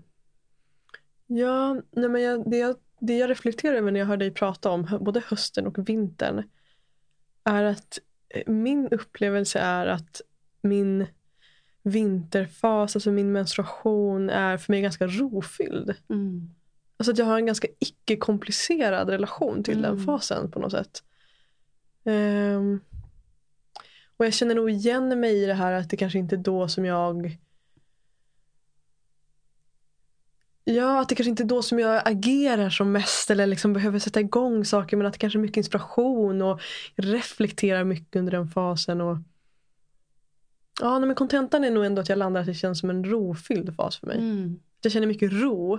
Ehm, och, så att för mig blir det nästan jag vet idag till exempel när vi satt i bilen och igen för att gå in på det här hur man kan relatera också till det i relation till sin partner. Men vi satt i bilen och jag hade den här känslan av att det starka trycket i mitt bröst och så här känslor som bubblade inom mig på ett liksom, tryckande sätt. Så. Och att, jag, att det kom ut i form av tårar. Och att och så säger Peter till mig då när han sitter bredvid mig och säger det Snart får, du, snart får du din mens så det kommer kännas bättre då. Typ, kom ihåg att det kommer kännas bättre då. Mm. Och det var så fint för att det är verkligen den upplevelsen jag har också. Att när det känns intensivt i sanningsfasen som hösten innebär. Så vet jag också att för mig så innebär så här, samma sekund typ som min mens kommer. Så är det någonting som känns mer rofyllt i mig. Ehm, så det är nog min upplevelse till just vintern. Ja, exakt. Och det relaterar så väl till det jag pratade om tidigare om att den här dagen, dagarna precis innan mens att det kan kännas, det är någonting som kliar i kroppen. Och det handlar ju om de här hormonskiftena som liksom så här guppar och guppar och sen till slut när vi landar i den här tomheten så kan det kännas som en utandning. Liksom så här, Mm. åh, ja, jag får en liten paus, en liten vila och det lugnar ner sig lite igen. Precis, ja, men på något sätt, du tog ett djupt andetag och då Mm. fick jag liksom den liknelsen också. Att det känns nästan som att det är som en pust bara. En djup utandning av att så här, som du säger, nu får jag, det är som att jag under min mens typ bara cut myself som slack på allt. Alltså, Ja, så. Här ja. får jag vila, här kan jag ligga i soffan och kolla på Netflix hela dagarna. Mm. Det sker i och för sig väldigt sällan. Men, men, men, men liksom att jag känner mig mer tillfreds med att eh, sova ännu längre på morgnarna. Och jag, eh, liksom, ja, jag vet inte, jag känner mig snällare på något sätt med mig själv när det kommer till vila, lugnare Ja. tempo. Alltså det, ja, på något sätt så Ja, det känns som en rofylld period. Och när vi tillåter oss det, det är då det också kan bli en rofylld period. Mm. Den kanske hade sett helt annorlunda ut om du hade liksom jobbat Mm. 8-17 Mm. och slitit. Mm. Ja, och jag inser det också. Jag tänker det, och det hade jag velat fråga dig också, det här kopplat till att du också jobbar heltid. Och du har ju varit inne på det ändå redan, Mm. att du faktiskt hade det samtalet du hade och att du har anpassat det Mm. heltidsjobbet också utifrån din cykel. Och det jag blir medveten om är också, och väldigt ödmjuk inför när jag pratar om min cykel, att jag också faktiskt är egen och kan anpassa varje sekund av min dag, eh, mina dagar utifrån min cykel. Ja. Och det är också spännande för att jag, blir väldigt, jag inser jag fylls av liksom tacksamhet och ödmjukhet inför det för att alla har inte den möjligheten. Och så inser jag också att jag har så mycket att lära mig när det kommer till det själv. Mm. Att jag eh, har inte helt liksom, lärt mig eh, att anpassa hur jag bokar in mina möten, mina jobb och så vidare utifrån min cykel. Eh, så det lägger jag märke till att det finns, där kan jag bli bättre på att, att anpassa det. Och samtidigt så tror jag att det hjälper mig så mycket att jag har ett mycket lugnare tempo än vad jag hade när jag till exempel jobbade heltid. För att jag, jag jobbar ju väldigt mycket mindre. Liksom. Mm. Och, um, ja, och samtidigt så kändes det inte helt sant när jag säger att jag jobbar mindre för jag jobbar också på ett sätt hela tiden. Så det blir så här vad jag jobbar och vad är inte. Men, men någonstans så, ja, så inser jag det. Och också så känner jag den här veckan eller de senaste dagarna så märk, jag la märke till att det har skavt i mig väldigt mycket när jag har liksom haft eh, många förfrågningar på människor som vill träffa mig och möten som jag har inbokat sedan flera veckor tillbaka och så i, i söndagskväll när jag satt och planerade veckan och så här allt skavde liksom. Jag vill Japp. inte göra någonting av det här. Japp. Eh, och det är ju helt relaterat till att jag inte har anpassat det utifrån Mm. att jag nu är i min höst. Ja. Och så då under hela liksom måndagsförmiddagen så den fick jag liksom ägna till att någonstans här, boka om, se vad kan jag flytta och så vidare. Så att någonstans så är jag i den processen av att lära mig det. Och jag märker att det fortfarande kommer med en viss känsla av att ja, men lite skam i att så här, vem är jag att boka om det här utifrån liksom, ja. Och samtidigt som att det landar mer och mer i mig. Liksom. Och utifrån det här samtalet så får jag också en ökad förståelse för just det. Att, att jag nu fattar mer och mer min känsla jag haft de senaste dagarna. Att jag har ju inte ork eller något behov whatsoever att träffa eh, så mycket människor. Ja. Eh, och, sen så, och just där också att det inte är att jag inte har behov av att träffa människor men jag har bara en, en minimal liksom, kapacitet för det. Som idag så har jag mött dig och det känns djupt meningsfullt och helt magiskt och jag vet också att jag jag kommer må bra när jag kommer hem och inte träffar massa fler människor. Liksom. Verkligen. Verkligen. Eh, och, ja, så jag tar med mig det också. Ja, och det här är ju också typ ett avsnitt i sig hur man kan lägga upp hela sitt, sitt arbetsliv ut efter sin cykel för att helt enkelt känna flowet, att inte behöva ha dåligt samvete eller känna att man går över sina gränser. För mig har det nog handlat väldigt mycket om att jag ofta går över mina gränser när jag känner att jag inte orkar någonting men ändå har haft någonting inbokat. Um, och att vi med egentligen ganska små medel kan, kan komma dit där vi tillåts att vara med flödet. Och jag skulle säga att även fast jag jobbar heltid så och först trodde att det inte är möjligt att vara flexibel i ett heltidsjobb. Det är inte sant. Med små medel så kan jag, som att när jag eh, förra veckan hade mens och veckan innan hade min höstfas, så jobbar jag mindre. För att jag jobbar nu under min vår och min sommar är det väldigt ansträngningslöst för mig att jobba mer. Det tar inte lika mycket energi att jobba långa dagar. Innan vi avrundar, för det tänker jag att vi ska börja göra. Jag märker att tiden bara springer iväg och det känns som att vi har suttit här i en kvart och vi har snart suttit här i tror nästan två timmar. um, det som jag vill komma in på lite grann är då som vi var inne på hur, um, hur man kan börja introducera uh, en medvetenhet om cykeln till sin om man då utgår från att vi har en, en manlig partner i det här fallet som kanske inte har kontakt med en egen hormoncykel som liknar den vi har. De har ju en annan typ av hormoncykel Ja. som skiljer sig väldigt mycket från våran. Och ja, så frågan är egentligen det. Hur kan vi introducera våra män för oss som lever med en man ehm, till vår hormoncykel? Ja, och det hela börjar ju såklart med den resan som man gör i sig själv. Ju, ju mer intunad du är på din cykel, desto mer medvetenhet har du kring den. Och desto lättare upplever jag det är att kommunicera det till min partner. Ehm, jag har skrivit upp där jag frågade faktiskt min, min eh, partner om hur han kände kring att jag hela tiden pratar om min cykel. I er relation? ja. ja. Och han sa liksom att en kvinna som tar ansvar för att lära känna sig själv under sin cykel gör ju det enklare för sin partner också. Mm, det är lättare att leva med någon som känner sig själv. Ja, vackert. Mm. Och Verkligen. Det går ju för psyken såklart, men för allt annat också. Att ju mer vi känner vad vi behöver eller behöver kommunicera kring, desto lättare kan det också vara i, i relationen. Så för mig har det handlat mycket om att jag, jag delar väldigt mycket om att nu är jag i den här fasen i min cykel. Och beroende på hur intresserad ens partner är så kan man ju prata om mer vad det innebär och sådär. Men det som har varit intressant för min partner har ju varit att hur, hur påverkar det mig och vad behöver jag?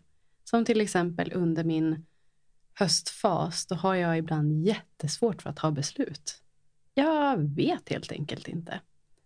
Och då kan jag säga, älskling snälla skulle du kunna hjälpa mig att ta det här beslutet? Om det handlar om att vad ska vi äta till lunch eller du vet sådana där saker som man bara, jag vet inte. Ja. Och då säger han så här, absolut, det är klart att jag kan hjälpa dig med det.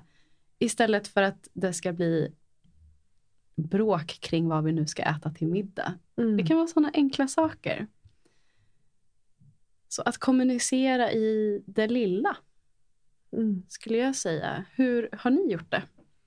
Ja, men jag känner igen det där jätteväl och jag tänker att precis som du säger, den viktigaste punkten för mig upplever jag är resan jag gör i mig själv, i min egen medvetenhet om min egen cykel, för att det är någonstans där det börjar. Och jag upplever att att ju längre, alltså ju längre jag kommer i, i resan i min egen cykel, desto mer märker jag också att, att jag har lättare att kommunicera det med liksom, ja. en trygghet i mig själv till Peter. Och och någonstans så tänker jag att precis som det du beskriver så för mig handlar det mycket om att kommunicera vad, var, var jag befinner mig och vad det är jag kanske behöver mer av eller mindre av mm. eh, under den fasen. Och dels att kommunicera det löpande. Mm. För att det skapar, för, för det skapar också en förståelse i honom. Eh, och också att så här, har jag kommunicerat det jag tänker igen att det viktiga för mig har varit att kommunicera löpande för det kan ju också skifta. Det är inte liksom att jag kommunicerar med honom en gång och säger Nej. att eh, under min vinter behöver jag det här och så Nej. kommer det statiskt alltid vara så. Utan att hela tiden fortsätta kommunicera under de olika faserna. Eh, och, och, det upplever jag också att ju mer jag gör det desto mer märker jag att Peter har snappat upp vissa mönster. Mm. Och ibland kan det till och med vara så att han, för tack vare att jag också kommunicerar med honom så har ju han också nu sitt fokus på Eh, precis som att jag har min nyfikenhet på vilka mönster jag kan se i min egen cykel så upple- uppmärker jag uppmärker Höstfasen. ja, så upp, upplever jag att han också har, eh, har sin eh, uppmärksamhet där. Mm. Så det gör också att han ibland kan säga till mig att eh, sen när jag inte ens själv har fattat att jag är i min höstfas. Bara, mm. Kommer du ihåg nu vart, i vilken fas du är i? Kan det vara så att du behöver det här? Eller ja, på något sätt påminner mig. Liksom. Och det upplever jag är väldigt fint och det hjälper mig också att vara på den här resan för jag upplever att jag har ett stöd från honom. Ja. Och ett exempel där också som jag vill lyfta det var när vi, nu har vi precis lanserat vårt eh, träningsprogram för relationer och det har ju varit en en jättefin resa att få göra tillsammans med honom som är min partner. Liksom, och att jobba tillsammans och vara i den ramen ihop och liksom, skapa och producera. Och det har varit jättekreativt och härligt. Liksom. Och sen var det ja, men det har skett liksom under, under februari månad framförallt. Och det har varit intensivt. Jag har spelat in väldigt mycket lektioner. Jag har producerat, redigerat videos. Det har varit mycket skapande kring det. Um, och så var det under någon liksom, slutfasen av de sista lektionerna som skulle spelas in. Då jag var ja, men dels i den här känslan av att här, nu vill jag bara få klart det här. Eh, för att nu har jag hållit på väldigt länge med och jag vill liksom, ja, avrunda det här nu. Och så då under typ de två sista lektionerna så var det som att Alltså jag kände så mycket frustration inför mig själv. Jag kände sånt allt jag sa kändes bara så här, det här skapar ingen mening. Vem är jag att sitta och göra, alltså, så här, va? Allt var bara kaos. Och jag kunde inte igen, jag kunde inte heller hålla en tråd när jag pratade. Så till slut blev det som att jag nästan satt tyst under hela lektionen och bara lät honom leda vägen. Liksom. Och sen så fick jag något utbrott på honom och du vet, det var bara liksom, blev väldigt rörigt allting. Eh, och, eh, och då sen efter det så gick vi en promenad också på eftermiddagen och så säger han det till mig att så här, och för jag var inte alls medveten om vart jag var själv då i min fas, eller i min cykel. Och då sa han det till mig liksom att kan det vara så att du är i din höstfas nu liksom? Och kanske ska vi tänka på att vid kommande inspelningar inte schemalägga dem mm. eh, under den här fasen utan vi kanske ska lägga dem under en annan period. Liksom. Och det för mig var så fint för jag hade inte ens tänkt tanken själv att där, jag hade kunnat planera det där någon annan gång. Vadå, vi skulle ju bli klara. Vi hade ju en deadline. Alltså, och det, var, det för mig är väldigt, väldigt vackert som ett exempel på hur då man som man och kan också hjälpa sin kvinna. Att inte heller bara låta henne själv ha fokuset där utan också som man ha, vara nyfiken på vilka mönster ser jag. Liksom. Ja, jag älskar att höra mm. dig säga det och jag tror att alla våra partners märker mönster i oss på samma sätt som vi märker mönster i dem på olika sätt. Och att få en, en medvetenhet kring det skänker ju någon form av, så här, ah, just det, det är det här som kanske pågår och så här kan vi jobba med det för att vara snälla mot oss själva och vår relation. Och vi har ju också gjort så att eh, när jag har kartlagt min cykel så lägger vi också in eh, kalend i kalendern hos honom så att han ser vilka, när, vilka dagar jag är i vilken fas. Och sen mm. skiftar ju det där också lite grann. Men under ägglossningsfasen har vi skrivit i till exempel hopp och lek. Ja! så då, då kan ja. vi göra roliga saker ja. eller boka in någon dejt. Och mm. Under min höstfas och blödning så står det så här Frida behöver mycket vila. Mm. Så min partner skulle ju aldrig boka in en stor äventyrlig dejt till exempel under min blödningstid för att han vet att det, det hade inte varit en härlig stund för mm, oss. Precis. Ja. ja men det där är så fint tänker jag. Och att börja ja, att samskapa sin vardag kring det där. Um, och jag tänker också att någonstans, jag upplever nog också ett mönster tidigare och jag tittar tillbaka många år i mitt liv. Liksom att, att um, och även när jag har hört andra kvinnor berätta om att många män, alltså det, det finns också en bild där liksom vi bara, så här, ja men hon har PMS eller hon, alltså att det också smutskastas. Eh, att vi inte tar det på allvar. Utan att, och också att vi kanske använder det som någon slags försvar, att jag får bete mig hur jag vill för jag har PMS. Um, ehm, så den, den tänker jag vi har lite grann emot oss när det kommer till uh, att få med oss våra män för att det finns också den där bilden av att så här, en kvinna som har PMS, henne ska jag akta mig för. Eh, och sen så har jag ingen annan nyfikenhet på vad som ligger bakom. Så den tänker jag också ligger där och spökar kanske för många, både kvinnor och män. Verkligen, och jag skulle säga att det är, det är nog den största gåvan som min partner har gett mig att bara genom att han hör mig och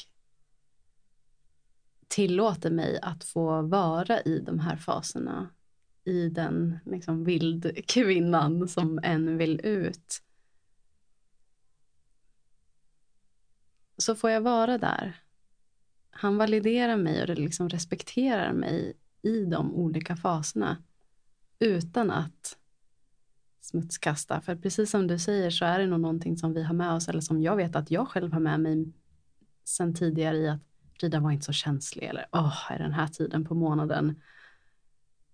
Jag vet redan när jag var, jag var en av dem som fick mens först i min klass. Och jag och en till tjej. Och vi blev kallade liksom mensbarn som någon slags smutskastning. Mm. Och redan där så blev ju det som någonting dåligt. Och att få bli sedd av sin partner i de här olika facetterna är väldigt läkande.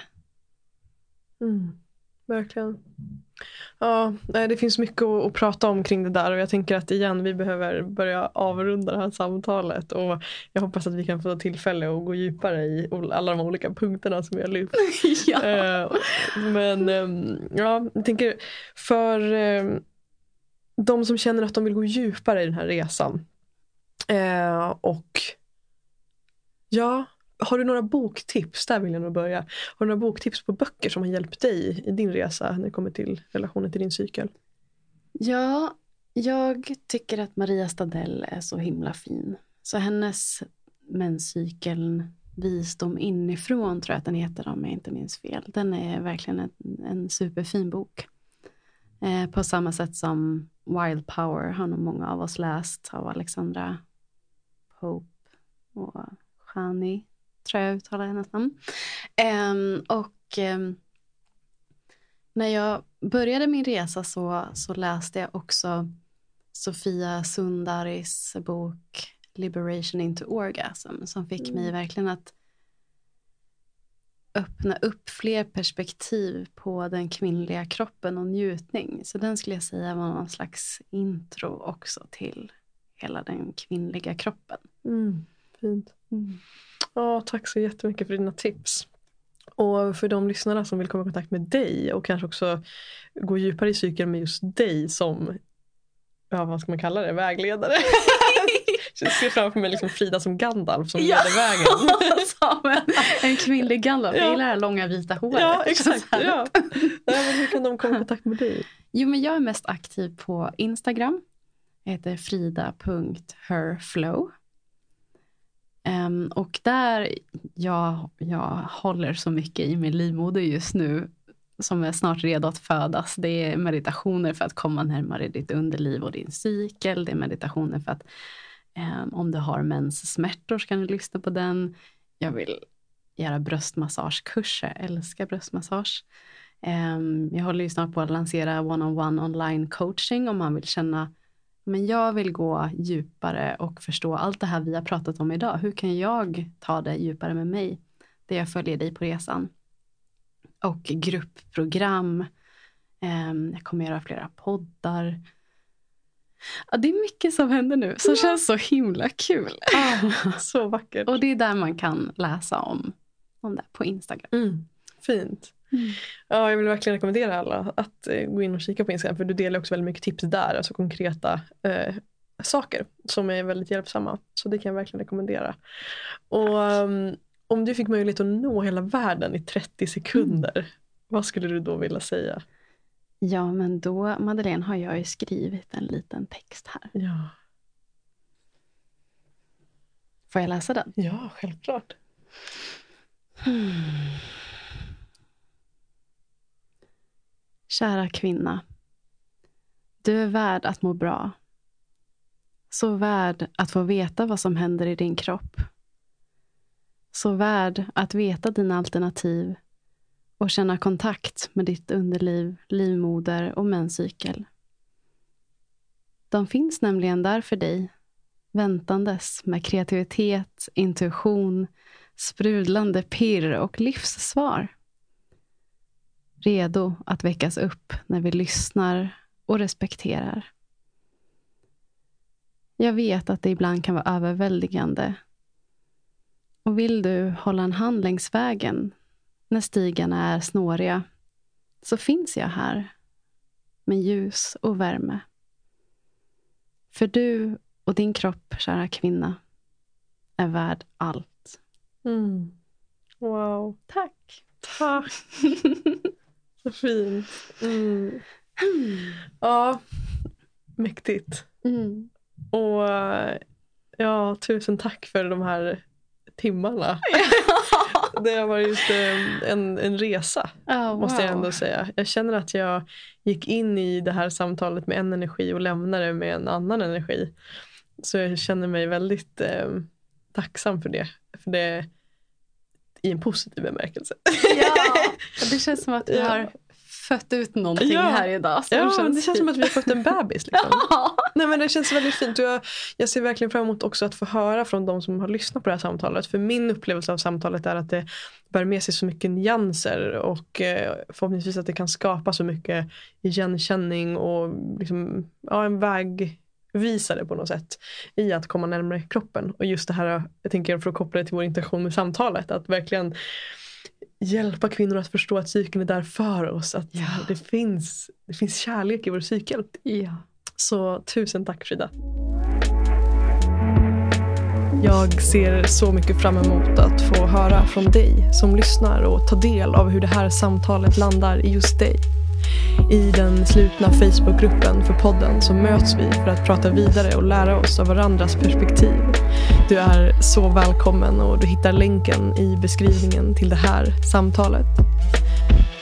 Vill du dyka djupare i mitt arbete så hittar du all information om aktuella kurser, workshops och coachingerbjudanden på mofjärd.com. Tack igen för att du är här med mig.